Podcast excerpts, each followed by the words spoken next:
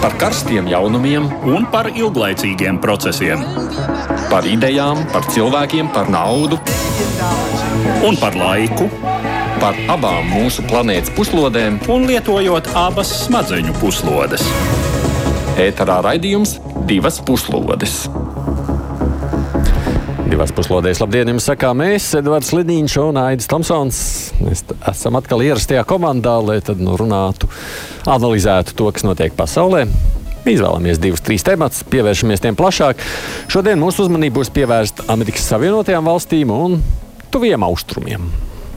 Ir pagājis gads, ir steigā pameta Afganistānu. Pagaidi vēlreiz, tu te varēsi turpināt. Droši vien, kamēr atradīs, kurš ir tavs mikrofons pieslēgtais, vai tevi tagad dzird? Vai mani tagad, tagad tevi dzird? Turpini. Jā, jā. Nu, tā tad nebūs gluži tikai par tuvajiem austrumiem, būs arī par Centrālā Azija ir pagājis gads kopš NATO karavīri steigā pameta Afganistānu, kustībai Taliban triumfāli pārņemot varu.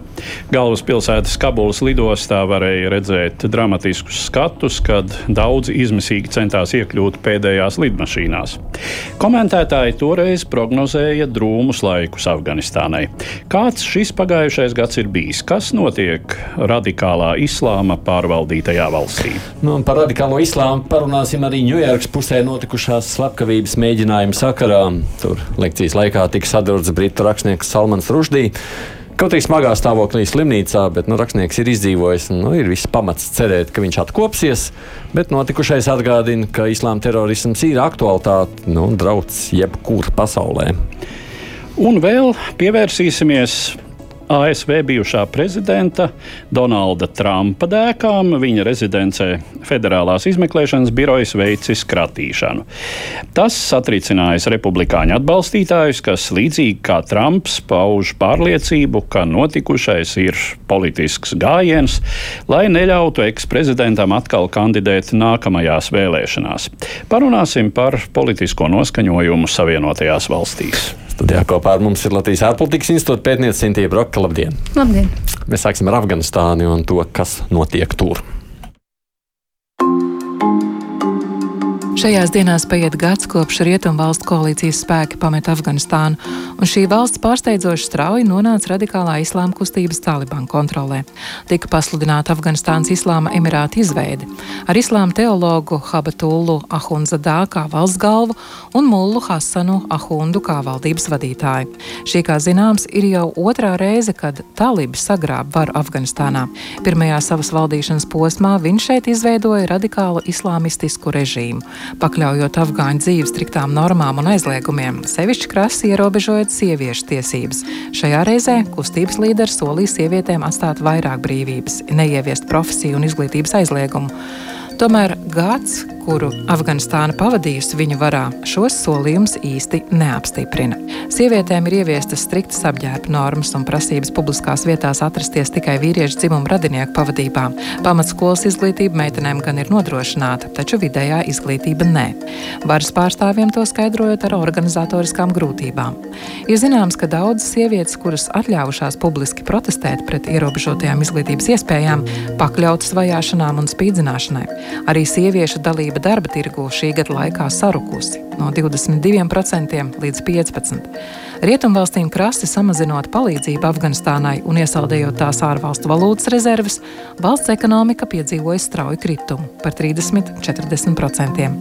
Iedzīvotāju situāciju vēl vairāk pasliktina globālais pārtikas un energoresursu cenu kāpums. Starptautiski Afganistāna joprojām paliek izolēta, un neviena pasaules valsts joprojām nav oficiāli atzinusi jaunizveidoto Emirātu. Maz cerību, ka tuvākajā laikā šai ziņā kas varētu būtiski mainīties. Jūlijā amerikāņu drona triecienā Kabulā tika nogalināts viens no kustības Al-Qaida līderiem Aimans Al-Zawahiri, un Savienotās valstis norādījušas, ka viņa atrašanās Afganistānas galvaspilsētā ir pretrunā ar vienošanos starp talibiem un Savienotajām valstīm, pēc kuras noslēgšanas notika Rietumvalstu karaspēka izvešana no Afganistānas. Toties diplomātiskos sakars ar talibu režīmu ir iedibinājušas vairākas islāma valstis, arī Ķīna, un Krievija. Lai gan talibu pārvaldītā Afganistāna ir problemātisks partneris jebkurai valstī, tomēr Maskava, Pekina un arī Teherāna iespējams mēģinās izspēlēt tālibu kārtu savā pretstāvē ar Savienotajām valstīm. Nu, vispār mēs pirms gada daudz runājām par to, kas notiek Afganistānā. Atcerieties, toreiz viss prognozēja ļoti drūmus laikus Afganistānai. Nu, faktiski humāno katastrofu. Bet nav jau tik dramatiski tā aina veidojusies. Ne? Es domāju, ka aina varbūt nav dramatiska uz vispārējā fona, kas pasaulē ir kļuvis krietni dramatiskāks. Tāpēc, ka citur slikti, jā. Uh, visumā ir slikti. Un daudz vairāk ir to valstu pasaulē, kas cīnās ar nopietnām ekonomiskām un līdz ar to sociālām grūtībām. Um, un līdz ar to notiek politiskās vidas destabilizācija. Mēs par to arī esam diezgan mm -hmm. daudz runājuši. Uh, bet uh, Afganistānas situācija, protams, ir pietiekami, uh, pietiekami dramatiska. Nu, jāsaka, atkal tā. Uh, laikam tā ir valsts, kur iedzīvotāji nu jau otro vai pat trešo paudzi dzīvo nenormālos apstākļos. Pastāvīga pilsoņu kara, attiecīgi problemātiska, sevišķi tālāk no lielajiem centriem, normāla medicīniskā palīdzība, um, normālas ērtības, kas, kas mums šķiet pašsaprotamas. Mm um, nu, tādas lietas kā elektrība, piemēram, ja, uh, kas daudz vietā Afganistānā joprojām nav pieejama. Nu, tā tālāk. Un tā tālāk. Tas ir pieradināti pie nēšanas. Nu, tas izklausās, protams, cīniski.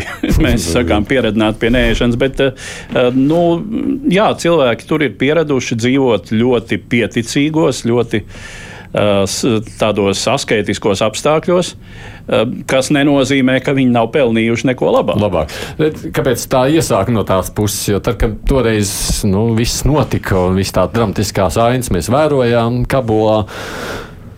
Nu, Es atceros, ka tās sarunas bija, nu, ka tur taču nāk ziema virsū, tur nebūs ko ēst. Tur nu, valsts palīdzības nav, visas finansiālās līdzekļi jau ir iesaldēti. Nu, kā tad viņi vispār izdzīvos? Gaida mūs tiešām humānā katastrofa. Es nevaru, nu, droši vien, līdzīgi kā Edvards saka, bija jau citas lietas, kam pievērsām uzmanību. Mm. Afganistāna. Bet nebija arī tā, ka mēs nepavisam nepievērsām uzmanību. Eiropas Savienība jau kopš ASV spēku iz, iz, izbraukšanas ļoti cieši ir komunicējusi un komunicē ar Centrālāzijas reģionu valstīm. Mm -hmm. Ļoti cieši noritēja arī komunikācija ar, ar citām, ne Afganistānu, Uzbekistānu, Taģikstānu, Kazahstānu, kad Baltkrievija realizēja uh, savas migr migrācijas uh, hibrīda mm -hmm. operācijas. Viņu, šī... viņu Afganistāns arī veids savējos. Uh, viņi, nu, tur, tur bija sadarbība, ka tie tranzīta reisi no Centrālāzijas valstīm uh, netika organizēti uz, uz Lietuvu, Aha. Latviju, Poliju. Uh, respektīvi, nu, stāsts par to, ka Eiropas Savienība ir izveidojies dialogs ar reģiona valstīm. Tādējādi, protams, Eiropas Savienībai ir draudz gan potenciālās migrācijas plūsmas, protams, gan potenciālā jā. humānā katastrofa, kas izriet, protams, arī ekstrēmismu un terorisma draudu reģionā.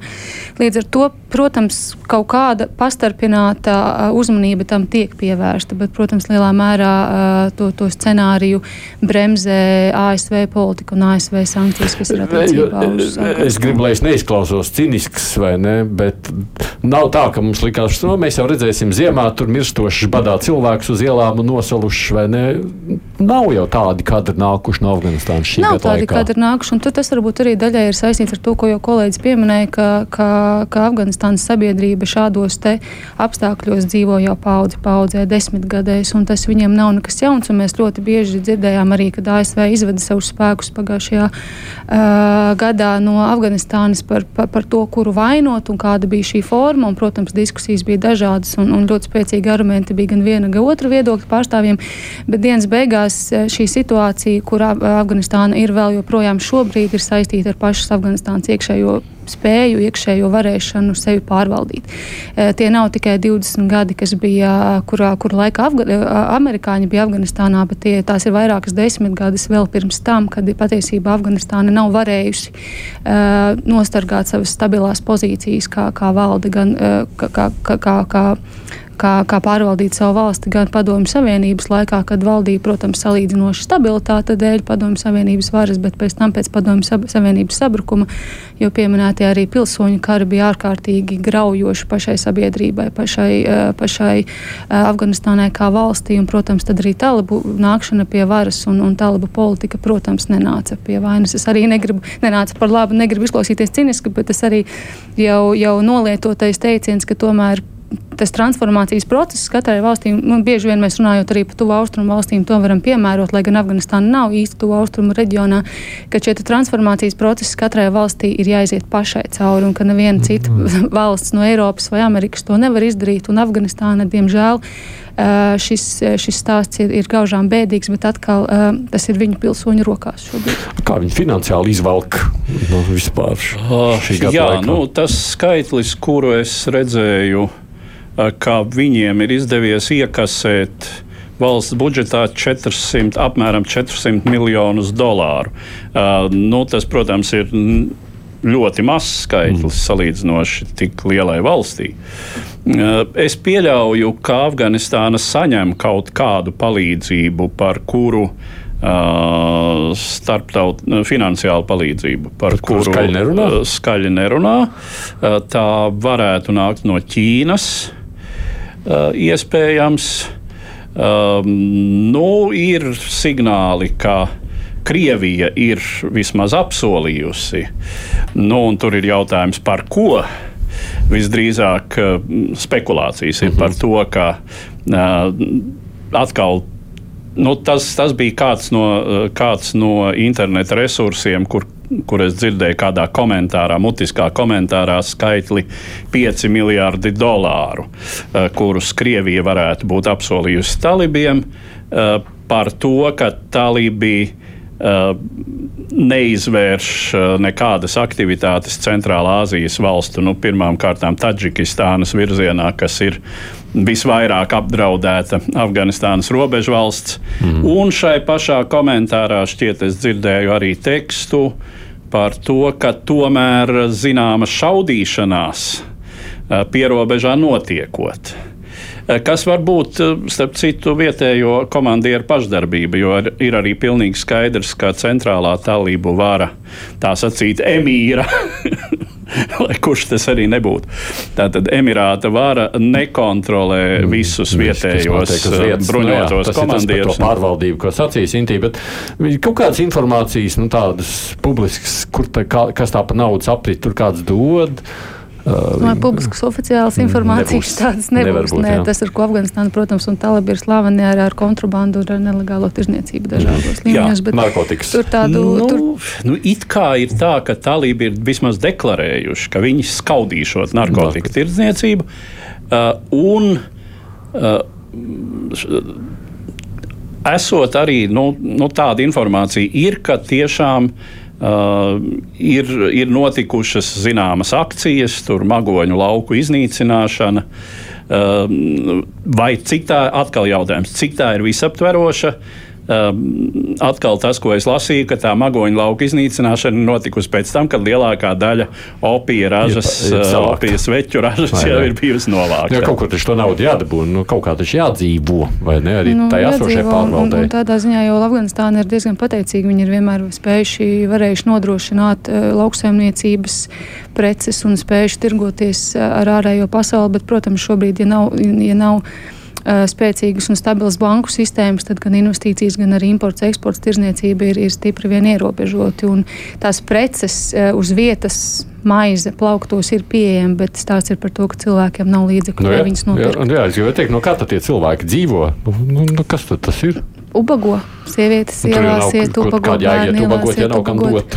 Uh, nu, nu, Nē, nu nabadzība jau... un zem bades tur ir, ir tie, tie skaitļi ir publicēti, ir ārkārtīgi liel, liels na, cipars. 80% vidēji vēl šobrīd Afganistānā ir, ir, ir, ir, ir ikdienišķā nabadzībā dzīvo. Tā kā uh mhm. -huh. viņi ir diezgan biedējoši un tas cipars turpina augt un tā pieeja, pieeja protams, nu, ir, ir, ir netik ļoti legālos veidos šīm pārtiks produktiem. Ir jau, teiksim, droši vien pirmām kārtām šī varas nomenklatūra un uh, vīri ar automātiem, kuri ir salīdzinoši labāk apgādāti. Mm. Nu, un tad, jā, un tad nu, ir, ir teiksim, nu, it kā vismaz Kabulā un lielajās pilsētās tāda pilnīga sociālās dzīves sabrukšana nav notikusi. Kā jau tika minēts, darbojas skolas, pamatskolas, darbojas arī dažas augstskolas, un starp citu, studentes, sievietes nav atskaitītas. Mm, jā. Viņām ir tiesības, tomēr vismaz tām, kuras kuras ir students, ir tiesības turpināt apmeklēt augstskolu. Nu, es arī saprotu, ka kaut kādi entuziasti nodarbojās arī ar video izglītību pa kluso studentiem, mm. no neoficiālas. Saprot, Jā, nu ir arī, ir, arī kolēģis, ko minēja, ir, ir izglītība. Ir daudzos reģionos pieejama arī meitenēm un sievietēm. Protams, viens, vēl viens apstākļus, kas varbūt attur uh, no šo, šo iespēju izmantošanas, ir drošības situācija valstī. Kabulā ir viens stāsts, bet, protams, nomaļus no, no, no, no pilsētas, nu, varbūt tas nav drošākais veids meitenei šobrīd apmeklēt uh, izglītības iestādes. Bet tas, ka tādas iespējas pastāv, tas ir vēl viena maza atkāpe. Es atceros par, par to Krievijas lomu. Un tur ir interesants faktors, kur varbūt Eiropas Savienībai un Latvijai arī ir, ir, ir jābūt modriem, ka līdz ar Krievijas iebrukumu Ukrainā, Centrālāzijas valstis, mazāk Kazahstāna, bet uh, Uzbekistāna, Taģikstāna, citas valstis ir, ir, ir tomēr lietas par labu Krievijas pozīcijām. Kamēr Kazahstāna varbūt mazliet pretojas, nu, tad tas mums varbūt tiešām uh, šajā visā kontekstā rad, nu, būtu jābūt modriem un, un, un Centrālāzija būtu jātur arī dienas kārtībā. Bet runājot, nu, mums jau droši vien lielā mērā tas jautājums pirmkārt ir par bēgļiem iespējamiem vai ne? pa, par bēgļiem, bet, bet kopā par, vispār par Krievijas politiku no nu jā. un sadarbības sektoriem. Par bēgļiem mēs jau, man liekas, arī tas pirms gada tika prognozēts, ka būtu pamatīgas bēgļu plūsmas, sakot, Eiropa visvairāk baidās. Uh, nu, labi, Lukašenko pieminētais organizētais tāds. Nu, kas, nav, kas nebija dabīga bēgļu plūsma, mm. jā, jā. kas bija tiešām organizēts, politisks, inspirēts gājiens. Bet, tāda, bet nu, teikt, ka nu, tādu milzīgu globālu. Nu, nav, tā tas, tas tādas bažas nav piepildījušās, Jā. ka būtu miljoni bēgļu no Afganistānas. Tā tas nav. Nu, es lielā mērā to skaidrotu tiešām ar Eiropas Savienības dialogu reģionu valstīm, uh, kur, kur kad, kad, kad, protams, amerikāņi savus spēkus izveda, tad bija diezgan liela pretestība no Kazahstānas un citām valstīm, ka nevar visu šo slogu uzlikt tikai uz reģionu valstīm, kad rietumiem arī ir jāiesaistās šīs krīzes risināšanā. Bet es domāju, ka lielā mērā šīs diplomātiskās attiecības ir spējušas mazliet absorbēt nu, proti, potenciālo draudu. Liekot, kaimiņiem nosargāt robežu. Jā, un, un, jā, un otrs arī tas, ka, protams, tik viegli jau šobrīd mm -hmm. ir izkļūt no Afganistānas nemaz nav. Nu, jā, es no tāda viedokļa domāju, ka vienkārši netiek ārā. Tieši ja varētu, tā. viņi beigtu. Jā? Jā. Tā varētu būt. Nu, jā, un iespējams, redziet, bēgšana jau arī nav nemaz tik lēts prieks. Nu nokļūšana līdz Eiropai. Uh, es pieļauju, ka vienkārši viņiem nav šādu iespēju. Tīri materiālā ziņā, jo nu, kājām līdz Eiropai atnākt uh, nav tik vienkārši. Tālāk nav izdevies iegūt arī šo starptautisko atzīšanu. Tur viņiem ir cerības, ka kaut kas varētu mainīties. Mm, es domāju, pēc uh, augusta, sākā, augusta sākumā notikumiem, kad uh, tika iznīcināts Alkaidas vadītājs, es domāju, absolūti nē. Mm. Uh, nu, viens ir stāsts par, protams, dažādas sarunas tika, no, tika, tika, tika, tika veidotas un, un noritēja, un par to, ka kaut kādi kompromisi jau būtu jārod un šī palīdzība būtu jāsniedz. Un, un ja salīdzinām tos talibus, kas ir pie valdīšanas šajā, šajā pēdējā gadā ar tiem, kas cik brutāli ir bijuši pirms tam, nu kaut kāda varbūt izaugsme ir vērojama, ja tas brutalitātes līmenis varbūt nav tik spēcīgs kā pirms tam, bet es domāju, tas, ka Alkaidas vadonis bija pieņēmis lēmumu atgriezties Kabulā, Kabulā nevis Afganistānā, bet tieši Kabulā un jutās pietiekami brīvi. Tas, domāju, ir pietiekami liels signāls, kad, kad šīs radikālo grupējumu aktivitātes tur atgriežas, un, un talibu nākšana pie varas noteikti ir lielā mērā, mērā iedrošinājusi reģionālos grupējumus aktivizēties un, un, un, un, un, un, un, un nepadoties. Un es domāju, tas ir tāds spēcīgs pagrieziena punkts jebkurām diplomātiskām sarunām, kas būtu varējušas notikt. Mm -hmm. Šobrīd talibu vara sevi definē kā pagaidu valdību. Uh, nav gan absolūti skaidrs, uh, vai notiks kaut kādas parlamenta vēlēšanas. Uh, kāds būs elektorāts šajās vēlēšanās, teiksim, vai sievietēm būs atļauts vēlēt vai nē. Uh, tas varētu būt visai izšķirošs aspekts. ja notiktu, ja tiktu organizētas nu, teiksim, vēlēšanas, kas saglabātu šo islāma valsts raksturu, bet nu, būtu sabiedrības pārstāvniecība tāda vai citāda, nu, tad varētu mēģināt. Tad talību vara varētu mēģināt panākt kaut kādu starptautisku atzīšanu. Bet tas nozīmē, ka Afganistāna kļūst par tādu sūklis vai centrs, kas pievelk tagad uh, radikālo islāmu un teroristus. Nu, viņi ir bijuši vēsturiski jau, Jā. jau tāds centrs reģionā. Es domāju, ka ir pietiekami labs potenciāls, labs potenciāls pēdiņās, protams, ka tas tā varētu arī notikt. Un jāatzīst jau arī Uh, par, par tiem solījumiem, ko pirms gada deva Talibi, un kas no tā ir realizējušies, un kas nav realizējušies. Tad, tad, tad ļoti skaidri viņi iezīmē, ka, protams, kaut kādas tādas ārējā, ārējās attiecības viņi var kā, kārtot un viņi var iziet uz kompromisiem, bet tas, kas attiecas uz valsts sociālo procesiem, reliģisku sociālajiem procesiem, tad tā ir valsts iekšējais jautājums, un tur ārējiem spēlētājiem gan nevajadzētu iesaistīties. Mm. Tā skaitā sieviešu loma sabiedrībā. Un, un, un, un, tur mēs redzam, ka tomēr šīs atšķirības no viņu pašu teiktā un retorikas pastāv, kas, protams, liecina par to, ka varbūt arī viņu pašu savstarpējā saprašanās neiet tik viegli, un, un, un tur ir pietiekami daudz problēmas, ar kuriem viņiem pašiem pirms ir jātiek galā, pirms var, var vispār runa būt par sistēmas sakārtošanu. Mm -hmm. Bet nu, sašķēlušies nav. Pavisam nav.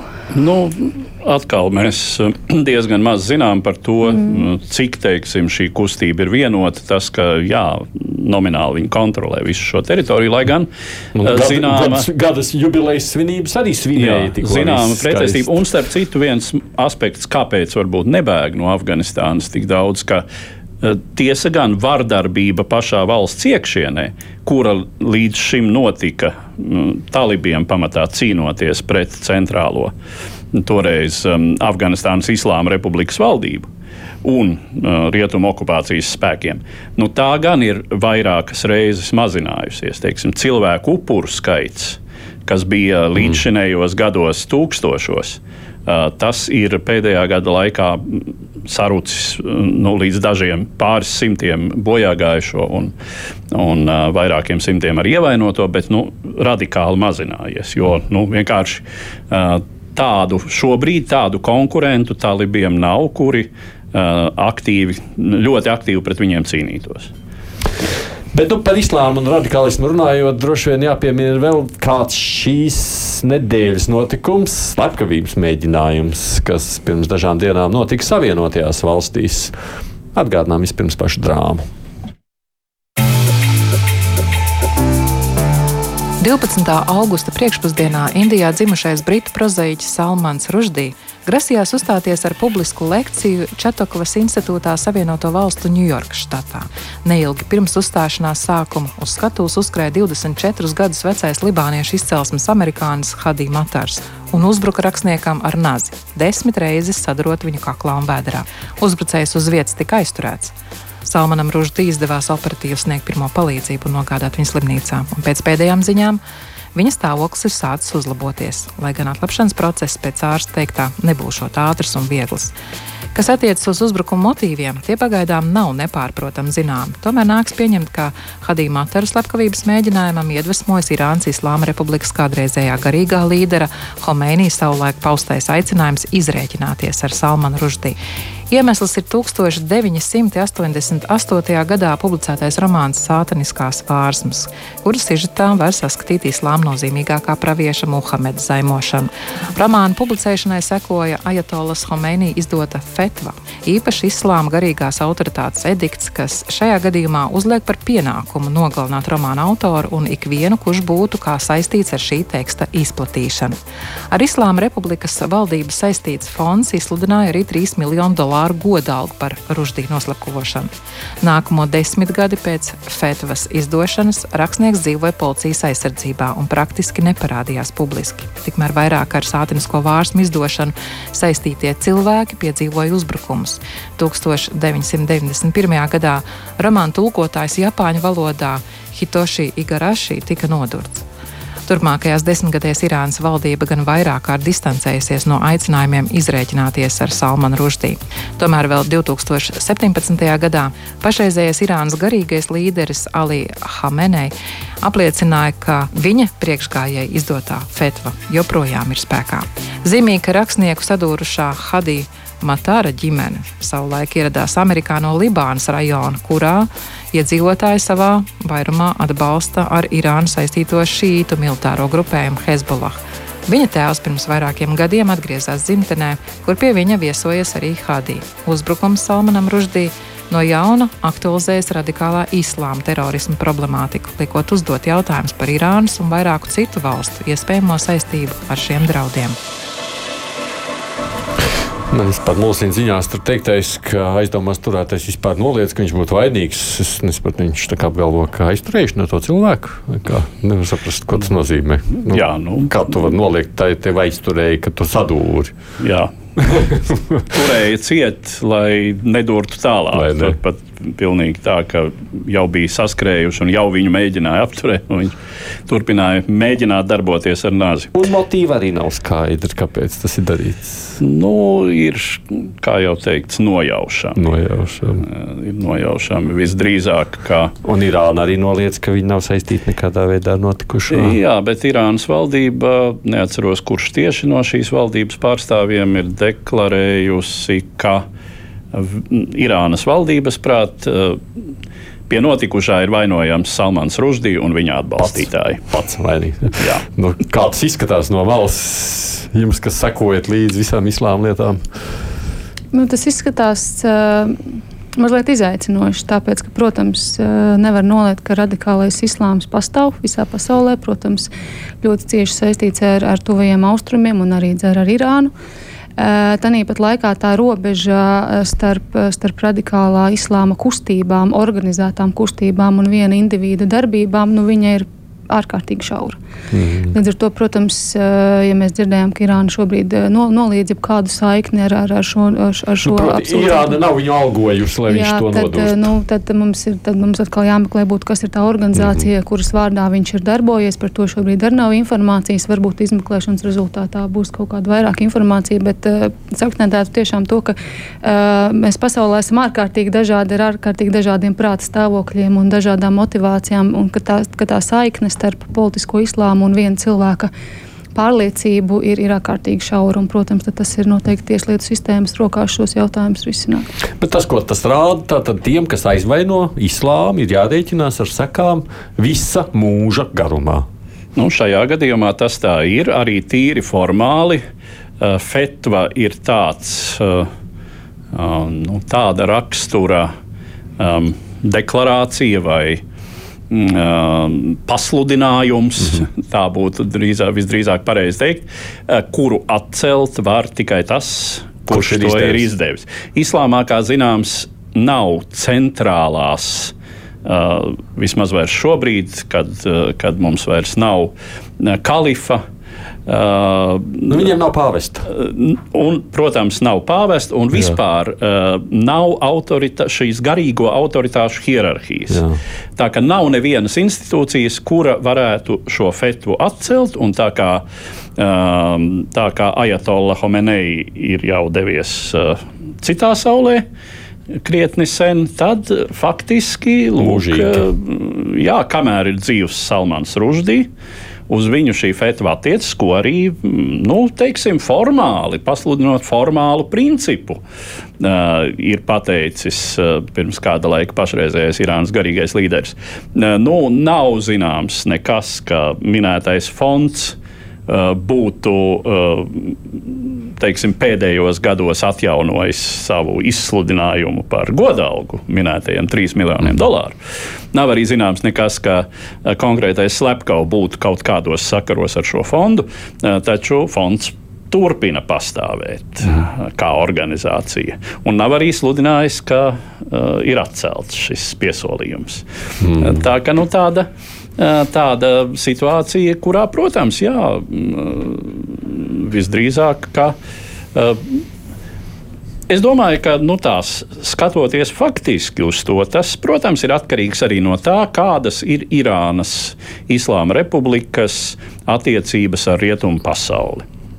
Es pieļauju, ka laikā, kad bija spēkā šī kodola vienošanās, kuru atsauca savulaik prezidents Trumps, tad var būt, var būt, es pieļauju, varbūt šis nebūtu noticis. noticis. Lai gan, nu, kā jau kolēģi visnotaļ atzīmēja, tad šeit absolūti nevar izslēgt viena um, visa iepriekš minētā iedvesmota indivīda rīcību.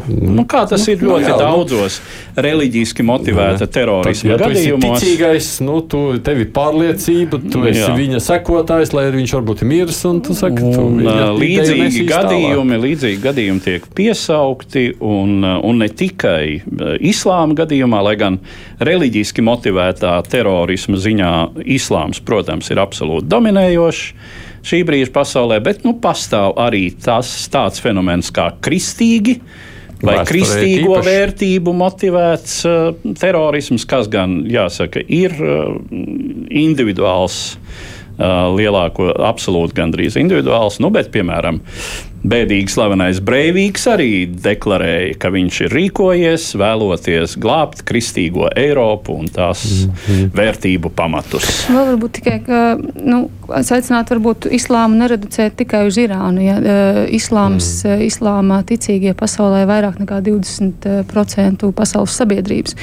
Līdz ar to, ja tas aizvainojums pēc šī autora darbiem ir kopējs Muhamedam un, un, un, un islāmā ticīgai sabiedrībām pasaulē, tad iespējams ir arī e, citi grupējumi, ne tikai Irāna, kas tiešām varētu būt tikuši aizvainoti ar vienu vai otru. Protams, mūsdienu tādā uh, demokrātiskā izpratē rietumu vērtībās mēs, sapram, mēs cienam un, un, mēs esam savā, uh, savā, savā ikdienā akceptējuši brīvas runas iespējumu un vārda brīvību un, un esam iekļāvuši to cilvēktiesību pamatu uzstādījumos, bet jāatcerās, tik līdz mana brīvība aizskar kādu citu cilvēku brīvību, kas ir vairāk kā 20% pasaules iedzīvotāji, tā, protams, var rasties problēmas problēmas, un ar to ir jārēķinās. Kas nozīmē, ka tādai rietumvārdu brīvībai un šim islāma radikālismam un nāvis draudiem līdz ar to nu, vienmēr nāksies kaut kā līdzās sadzīvot. Ja? Mm. Nu, nu, te ir atkal ir, ir, ir, nu, ir, ir, ir dažādas nozares. Mēs zinām, ir, ir, ir, ir reliģiskie raksti un reliģiskā zin, zinības. Tad mums ir teoloģija, kur mums vairāk no zinātniskās perspektīvas māca par reliģiju, un tad mums ir politiskais islāms. Ja. Tas arī ir, ir trīs tomēr dažādas nozares, un ļoti bieži tādā ikdienas dzīvē mēs, mēs jaucam islāmu ar politisko islāmu, radikālo islāmu, kur tomēr šīs islāma vērtības lielā mērā balstās uz dažādu individu interpretāciju par to, kas, kas ir rakstīts sūrās, kas ir ir rakstīts Korānā, ir, protams, sūras, kas, eh, un, un liela daļa Korāna sūru ir pret vēršanos, ir pret cilvēku, ir pret cilvēku nogalināšanu. Ir atsevišķas sūras, kas, protams, ir vieglāk interpretējamas, bet atkal tas nav par islāmu, tas ir par radikālo politisko islāmu, mm. kur šīs te uh, reliģiskās idejas, ideoloģija tiek izmantota mm. politiskiem mērķiem. Interpretēt. Jā, nu vēsturiski ir tā, ka. Uh, terorisms kā tāds pasaulē ir krietni vecāks tomēr par islāma terorismu. Um, ja Radies mēs... Eiropas kontinentā. Jā, radies Eiropas kontinentā primāri. Sākumā tas bija pamatā politiski motivēts. Mēs atceramies, 19, nu, faktiski 19. gadsimts bija uh, tāds izteikts terorisma uh, sākuma gadsimts. Uh, par reliģiski motivētu islāma terorismu mēs sākam runāt apmēram sākot ar nu, tā, izplatīti ar 1979. gadu. Un, nu, te ir divi tādi notikumi izteikti. Viens ir uh, Islāma revolūcija Irānā un Irānas Islāma republikas izveidošanās, otrs ir padomju iebrukums Afganistānā. Uh, kad uh, pretestību padomju okupācijai Afganistānā, kas bija ne tikai nacionāli, bet arī reliģiski iekrāsot, protams, jo nu, Padomju Savienība tur atbalstīja izteikti sekulāru, sociālistiski orientētu un lielai sabiedrības daļai, lielākai sabiedrības daļai nepieņemamu režīmu. Atbalstīja tā skaitā vairākas tuvo austrumu valstis uh, ar izteikti mm, šo islāma fundamentālistisku orientāciju, kā piemēram Saudārābija, kā apvienotie Arābu Emirāti. Un, nu, tas, tā ir otra sakne. Mm. Vēlāk šīm brīvības cīnītāju kustībām nu, Talibans arī sakņojas faktiski šajā, šajā pretestības kustībā. Padomju okupācijai, un pēc tam tam visam izvēršoties pilsoņu karā, vairāk šīs grupas radikalizējās šīs atbalsta saiknes zināmā mērā ir saglabājušās. Tā kā, protams, jā, ir, ir jāpiekrīt, ka tas, tas ne tuvu nav viss islāms, kas ir radikāls un runājot par tām pašām fetvām. Uh, tad netrūkst arī fetvu, kuras noliedz vardarbību, mm. kuras aicina uz toleranci. nu, jā, tā to vēl ir. Bet runājot par šo ruždīs slepkavības mēģinājumu, tas medijiem lika vismaz daļai pārslēgt uzmanību no notiekošā pašās Savienotajās valstīs. Tur pirms nedēļas Federālās izmeklēšanas birojas negaidīti veids kratīšanu bijušā prezidenta Donalda Trumpa rezidencē, un tas nu, izraisīja pamatīgu troksni. Pagājušās nedēļas sākumā mediji izplatīja ziņu, ka ASV Federālās izmeklēšanas biroja darbinieki ieradušies ar kratīšanas orderi eksprezidenta Donalda Trumpa rezidencē Palmbīčā. Floridā. Kratīšanā izņemti 11 slepenu dokumentu komplekti, no kuriem daži marķēti kā sensitīva iedalījuma informācija. Marķējums, kas norāda, ka ka šādas informācijas publiskošana nodarītu nopietnu kaitējumu valsts interesēm. Izņemtie dokumenti ir tapuši laikā, kad Donalds Trumps bija Savienoto Valstu prezidents, un saskaņā ar likumu tie bija vai nu jāiznīcina, vai jānodod Nacionālā arhīva glabāšanā. Dienu vēlāk ASV Tieslietu departaments publiskoja kratīšanas orderu saturu, kas atklāja, ka pret eksprezidentu uzsāktā izmeklēšana saistīta ar iespējamu nelikumīgu federālās iestādes dokumentu pārvietošanu vai iznīcināšanu, federālās izmeklēšanas materiālu falsifikāciju vai iznīcināšanu un ar Savienoto valstu aizsardzību saistītas informācijas vākšanu, nodošanu vai nozaudēšanu, pārkāpjot tā saucamo spiegošanas aktu. Tomēr Tieslietu departaments atteicies publiskot dokumentu, kuru izmeklētāji iesnieguši tiesnesim kratīšanas orderu saņemšanai, jo šādas informācijas publiskošana nopietni kaitētu izmeklēšanas procesam. Pats Donalds Trumps jau apgalvojis, ka šī izmeklēšana esot radikālo demokrātu un viņu potenciālo politisko oponentu inspirēts uzbrukums. Šobrīd tieslietu ekspertu domas dalās par to, vai potenciālās apsūdzības varētu liekt Trumpam balotēties 2024. gada prezidenta vēlēšanās. Kā izriet no raksta, kurā žurnālistikas kompānija Politico atspoguļojas situāciju Baltijā namā, ka to 2021. gada sākumā pameta Trumpa administrācija. Šai procesā valdīs tāds hauss, bezatbildību un noteikumu ignorēšana, ka minētie dokumenti eksprezidenta privātmājā varēja nonākt pat bez īpaša nolūka. Divas puslodes! Atgādījums studijā kopā ar mums ir Ārpolitikas institūta pētniece Sintīna Broka, un telefoniski mums tagad pieslēdzas arī institūta asociētais pētnieks Gins Jegermanis. Halo!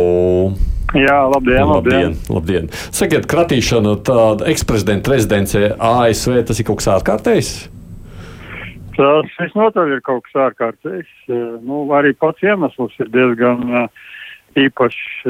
Uh, nu, neviens uh, līdzinējais prezidents neko tādu nav pastrādājis, bet nu, Trumps ir spējīgs uz visādiem stiķiem un, un niķiem. Nu, būtība ir tāda, ka Uh, tieslietu departaments, ja mūsu izpratnē Tieslietu ministrija jau vairākus mēnešus uh, cenšas atgūt dokumentus, kuri nonākuši Trumpa rezidencē.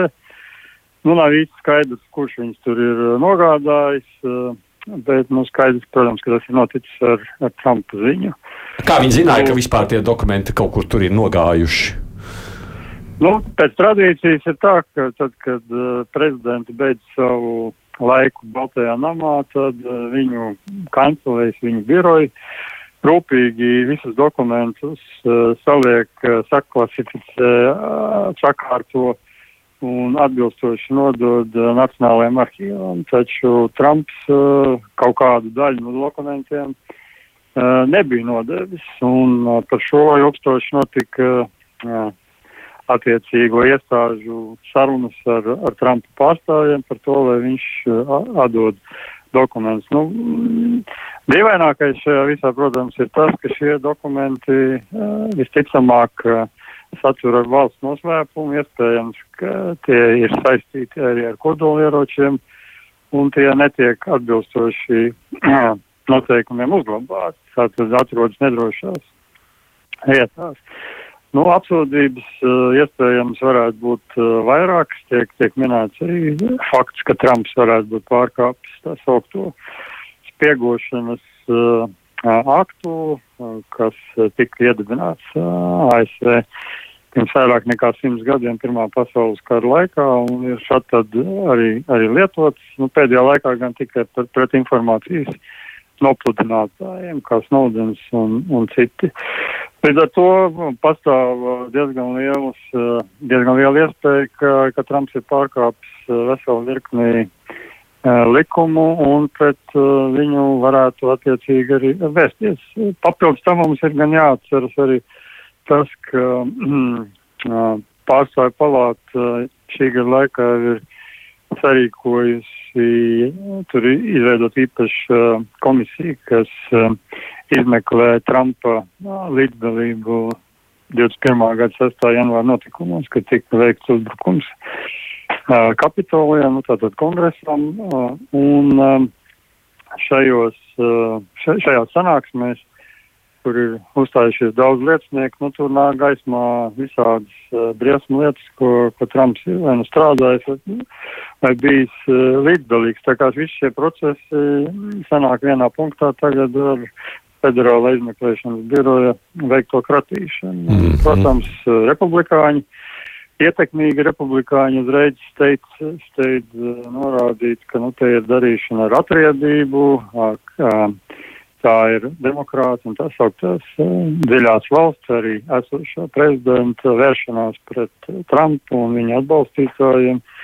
Nu, būtībā mēs esam ļoti saspringtā Amerikas iekšpolitiskajā diskusijā, kur nu, Trumps, faktiski Trumps ir unikāls daudzajā ziņā, bet viņš ir neparasts ar to, ka viņš ir pirmais aizgājušais prezidents, kurš kā liela ēna joprojām gūstas par, par esošo prezidentu. Gan visus tos četrus gadus, ko viņš pavadīja prezidents um, krēslā, gan arī tagad jau gan arī divus gadus, kopš viņš vairs nav prezidents. Nu, Amerikas iekšpolitiskā diskusija ir pakļauta uh, savā ziņā hausam, ko izraisa uh, Trumps ar ar eh, nu, daudziem dažādiem izgājieniem. Mm. Nenolieciet, klausuli, mēs vēl ar jums labprāt aprunāšos. Uh, vispirms vispār par tiem dokumentiem. Tev ir skaidrs, kam Trumpam Edvard, vajadzēja viņus vispār glabāt un kāda jēga no tā viņam? Jā, ne man tas nav īsti skaidrs, ne izmeklētājiem, ne arī komentētājiem tas ir īsti skaidrs. Un uh, resursa politiko rakstā, kur es izlasīju pirms šī raidījuma, ir pieļauta versija, ka uh, viņš varētu būt tos paķēris līdzi arī kā suvenīru. Uh, nu, mīļai piemiņai no savas uzturēšanās Baltajā namā. Slepeni, jā, jā, jā, jā. Um, viņam esot ļoti patikuši vispār vispār daža, eh, dažāda, respektīvi, eh, bija atsevišķi papīri, kuri viņam esot ļoti patikuši. Eh, piemēram, viņam ļoti patikušas Korejas līdera Kīma vēstules. No tām viņš arī tā kā nesot gribējis šķirties. Un, vispār šajā rakstā nu, par bez smīna par to un smiekliņa pat īsti nevar runāt, bet nu, tas, kas šajā rakstā bija teikts, ka vispār ir iespējas, ka Trumps īsti nav sapratis starpību starp Balto namu un kādu kārtējo kazino, kurš, kuru viņš ir sev uzcēlis vai, vai nopircis, un kurā viņš rīkojas, tur uzturas uh, un, un uh, jūtas kā mājās. Nu, viņš ir jūties apmēram līdzīgi Baltajā namā, un attiecīgi nu, kā, nu, tas, tas tur man tur uh, saražots, saradies, nu, paķeršu kaut ko līdzi. Tad republikāņi šo lasa šādu nicināšu rakstu un saku, nu, re, re, re, Jā, jā, tā jā. ir visa tikai Kreisie. Politika. Tā ir tik- Riebīgie- nu, riebīgie jā, ir kreisie, tikai jā. politika, vai ne? Nav, vai, tad, vai tu nav tāda tur politika? Tur ir viena tur, politika. tur ir politika, bet, uh, bet nu, tur ir arī. Uh, tur ir arī, nu, nē, nu, vai dieniņu, vai tad maz politikā un, un vēsturē vēl jau vairāk uh, pagājušajos laikos ir dīvaini, kuri ar savām dīvainajām izdarībām ir sagādājuši ne tikai sev, bet citiem uh, ļoti lielas problēmas. Uh, jā, piebilstot, uh, apsūdzību kopsumma, kuru nu, Trumps tā teorētiski varētu dabūt, ir 33 gadi aiz restēm. Nu, jā, jā, jā, nu, būtu, jā, nu, jā, nu. Bet, uh, Jēgarmeņkungs, ir jau tā, ka Trumps taču grasās atgriezties cīņā par prezidenta krēslu, vai ne tā? Nu, oficiāli viņš to nav pagaidām vēl paziņojis, bet, nu, viss, protams, liecina, ka, ka viņš to darīs. Mums arī jāatceras, ka uh, paralēli uh, federālā izmeklēšanas biroja aktivitātēm uh, joprojām turpinās aktīvs uh, priekšvēlēšana process, tas augtas uh, vidustermiņa vēlēšanas, un pagājušajā naktī notika diezgan, uh, pagājušajā naktī bija diezgan spilgts ar to, ka Līza Čeinī, kas ir viena no ietekmīgākajiem republikānu politi politiķiem, mm, zaudēja šajās vēlēšanās, eh, jo viņi bija arī viena no, no tiem desmit republikāņiem, kur atbalstīja impeachmentu ierosināšanu pret Trumpu. Un Trumps nozvērējās, ka viņš visiem šiem republikāņiem atriepsies, uh, nu, faktiski no desmit, kas šo, šo impeachment procedūru atbalstīja. Savu karjeru um, turpina tikai divi. Um, un Līza Čeinija, kas arī, starp citu, ir viena no viskonservatīvākajām republikāņu politiķiem, uh, bija spiesta uh, piedzīvot uh, zaudējumu un uh, uzvarēja uh, politiķi, kurus savukārt Trumps atbalsta. Nu, redz, kas uh, nozīmē, ka Trumpam ir ietekme un Trumpam ir visas iespējas atgriezties Baltijā namā.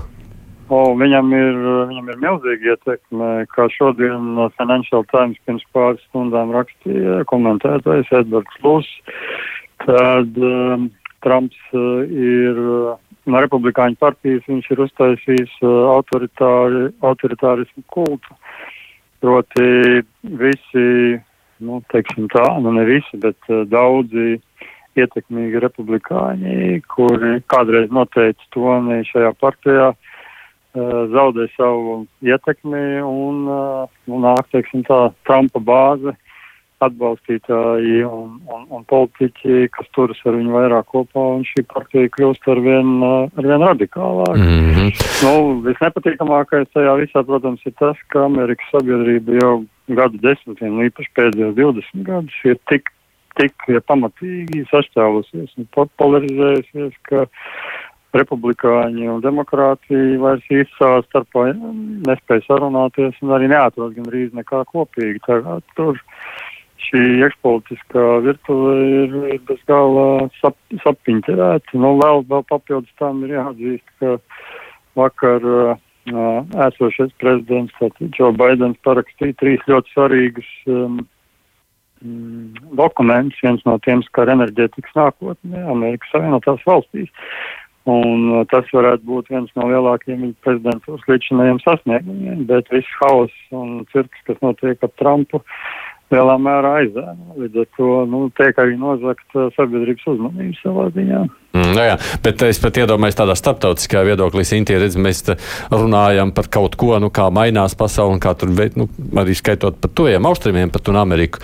Ja Trumps atgriežas 24. gadā, tur taču iestājās, wow, pavisam vai Tad ne? attiecības ar, ar tuviem austrumiem mm, eh, cietīs ļoti, ļoti daudz, jo, jo tas, ko reģions, protams, novērtē, ir tāda pēctība un uzticamība. Un tas, ko parādīja prezidents Trumps savā prezidentūras laikā attiecībās uz tuviem austrumiem, ir tas, ka uz rietumiem paļauties nevar. Un, un tā ideja gan, gan Irānai, gan arī plašākam reģionam ir klātesoša eh, visās izvēlēs, kas attiecas attiecībās uz rietumiem. Un es pats biju nu, Amerikas Savienotās valstīs šajā vasarā, un tā kā runāju ar tiem latviešiem, es jautāju, nu, kā jums šķiet?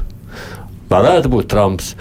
Viņi saka, jā, varētu. Viņam, gan, vismaz tiem latviešiem, ko es runāju, viņiem visiem ir bailes, bet nu, Baidens esot tik nepopulārs šobrīd pēc socioloģiskajām aptaujām kā nekad. O, viņš jau arī tur varētu gribēt cīnīties vēl par prezidenta krēslu. Un Trumpam var sanākt otrreiz Trumps pret Baidenu. Grūti pateikt, kā vēl tas viss veidotos. Tas var jau būt pēkšņi pat uh, Trumps. Uh, Ne pret Baidenu, jā, ir, dažādas versijas. Nu, uh, bet tas ir tiesa, jā, ši, šis, tas arī tiek atzīmēts, ka šis uh, process pirms uh, šīm starpvēlēšanām uh, šobrīd priekšvēlēšana process, kad tiek izvirzīti kandidāti šīm vēlēšanām no Republikāņu partijas patiešām praktiski visos štatos ir vai no Trumpa kandidāti vai nu, pret Trumpa kandidāti. Vai nu vai nu. Mm. Ja? Neitrālu praktiski vairs nav. Vairs nav un, un, jā, un tas, ir, tas tiešām sāk atgādināt tādas iekšējās varas cīņas. Nu, kuras vēsturiski, tāpēc izjūtas, man, man tas atgādina procesus Bolševiku partijā vai Krievijas sociāldemokrātijā starp bolševikiem un menševikiem. Uh, savā laikā. Jēgarmeņkungs, vai šīs kratīšanas un arī tās dažas citas lietas, kuras jūs minējāt saistībā ar mm, pašreizējām izmeklēšanu, tās varētu kaut kādā veidā aizšķērsot ceļu Trumpam uh, kandidēt vēlēšanās? Nu, lasot to, ko apspriež paši Amerikas iekšpolitikas pazinēji un visu juridisko nianšu zinātāji, uh, var secināt to, ka īsti atbildes uh, arī pašā Amerikā nav. Visi, kas kaut ko saprot no viņu tieslietu sistēmas, diezgan izvairīgi izsakās par to, ka arī šis um, kratīšanas gadījums varētu novest līdz uh, reālai tiesvedībai, kur varētu Trump mēģināt notiesāt. No otras puses, uh, cilvēki, kuri pazīst ģenerālu prokuroru, kurš uh, visu šo procesu vada un šo kratīšanu ierosināja, um, uh, saka, ka viņš uh, to nebūtu, viņš nebūtu šo soli spēris, ja tam apakšā nebūtu ļoti nopietni pierādījumi vai vismaz aizdomas par to. Līdz ar to, nu, šeit, kā saka, īsti skaidrības nav, ar ko tas viss beigsies. Turklāt pret Trumpu jau ir vēl vairāk procesi dažos štatos, tā kā viņš ir nepārtrauktā. Uh, apvainojumu virpulī, un, un, bet nu, ir arī cilvēki, kas saka, ka šoreiz tas ir, tas ir ārkārtīgi nopietni, un tā kā ir runa par uh, valsts noslēpumu un uh, dokumentiem, uh, kur saturs uh, nebūtu, viņam nevajadzētu nonākt uh, nevēlam cilvēku rokās, ka, ka šeit varbūt uh, ir pirmo reizi nopietni iespēja, ka ka Trumps varētu arī neiziet sveikā, bet nu, jā, jāgaida, kā, kā šī lieta turpinās attīstīties. Es uh, skatoties medijus dažādus uh, virsrakstiem, nu, kā, kā parasti viņi uzliek breaking news vai kas tamlīdzīgs. Uh, Nu, tad uh, viena no ziņām, es neatceros, kurā kanālā bija sakot, republikāņus. Es to jautāju Edvardam Liniņam. Republikāņi šī kratīšana esot vienojusi. Jā, tas to var lasīt nevienā vien. Mm -hmm. Vienojusi partiju un zināmā mērā un vienojusi arī elektorātu. Jo, nu, atkal jāsaka, mana izjūta ir tāda, ka Trumpa elektorātam tāda piemēram, papīru paķeršana līdzi no Baltā nama, varētu pat šķist uh, attraktīva lieta. Uh, nu, Rupi runājot, nu, piekāst mums šo valsti ar visu viņas noteikto kārtību, kaut kādiem likumiem, kaut kādām normām. Uh, redzi, mūsu īstais vecis var to visu vienkārši ignorēt. Un tāpēc mums viņš patīk. Nu, eh, grūti spriest, cik tāda ir, bet ka šāds noskaņojums Trumpa elektorātā varētu būt klātesošs, es esmu mm, pārliecināts faktiski. Mm. Nu, tas, ko es lasīju par eh, tīri juridisko pusi, Visdrīzāk apsūdzība kā tāda nav šķērslis, lai kandidētu prezidenta vēlēšanās. Nu, ja līdz tam laikam notiesās, un vēl jau vairāk tiešām varbūt ietupinās. Nu, Lai cik tas teorētiski neizklausītu. Nu, tad, protams, tad, protams, kandidēšana uz prezidenta amatu nespēja. Jebkurā gadījumā vienu lietu mēs varam secināt, ka tā nākošā vēlēšana kampaņa, kas Amerikas Savienotās valstīs jau nu, realitātē ir sākusies, tā būs viena ļoti nervus kutinoša kampaņa. Paldies jums! Pie tālruņa klausulas Astpolitikas institūta asociētais pētnieks Gins Jegermans. Paldies jums par veltīto laiku mums! Paldies. Jā, tāpat studijā savukārt bija Sintīna Broka, arī no ārpolitikas institūta pētniece. Nu, mēs, protams, ar Eduardu Liniņu, tāpat kā parasti raidījumā, mūsu producenti Evi Junāma. Tiksimies atkal pēc nedēļas. Nu, lūkosim, kā tad nākamo dienu laikā, kas būs noticis abās divās puslodēs. Divas puslodes!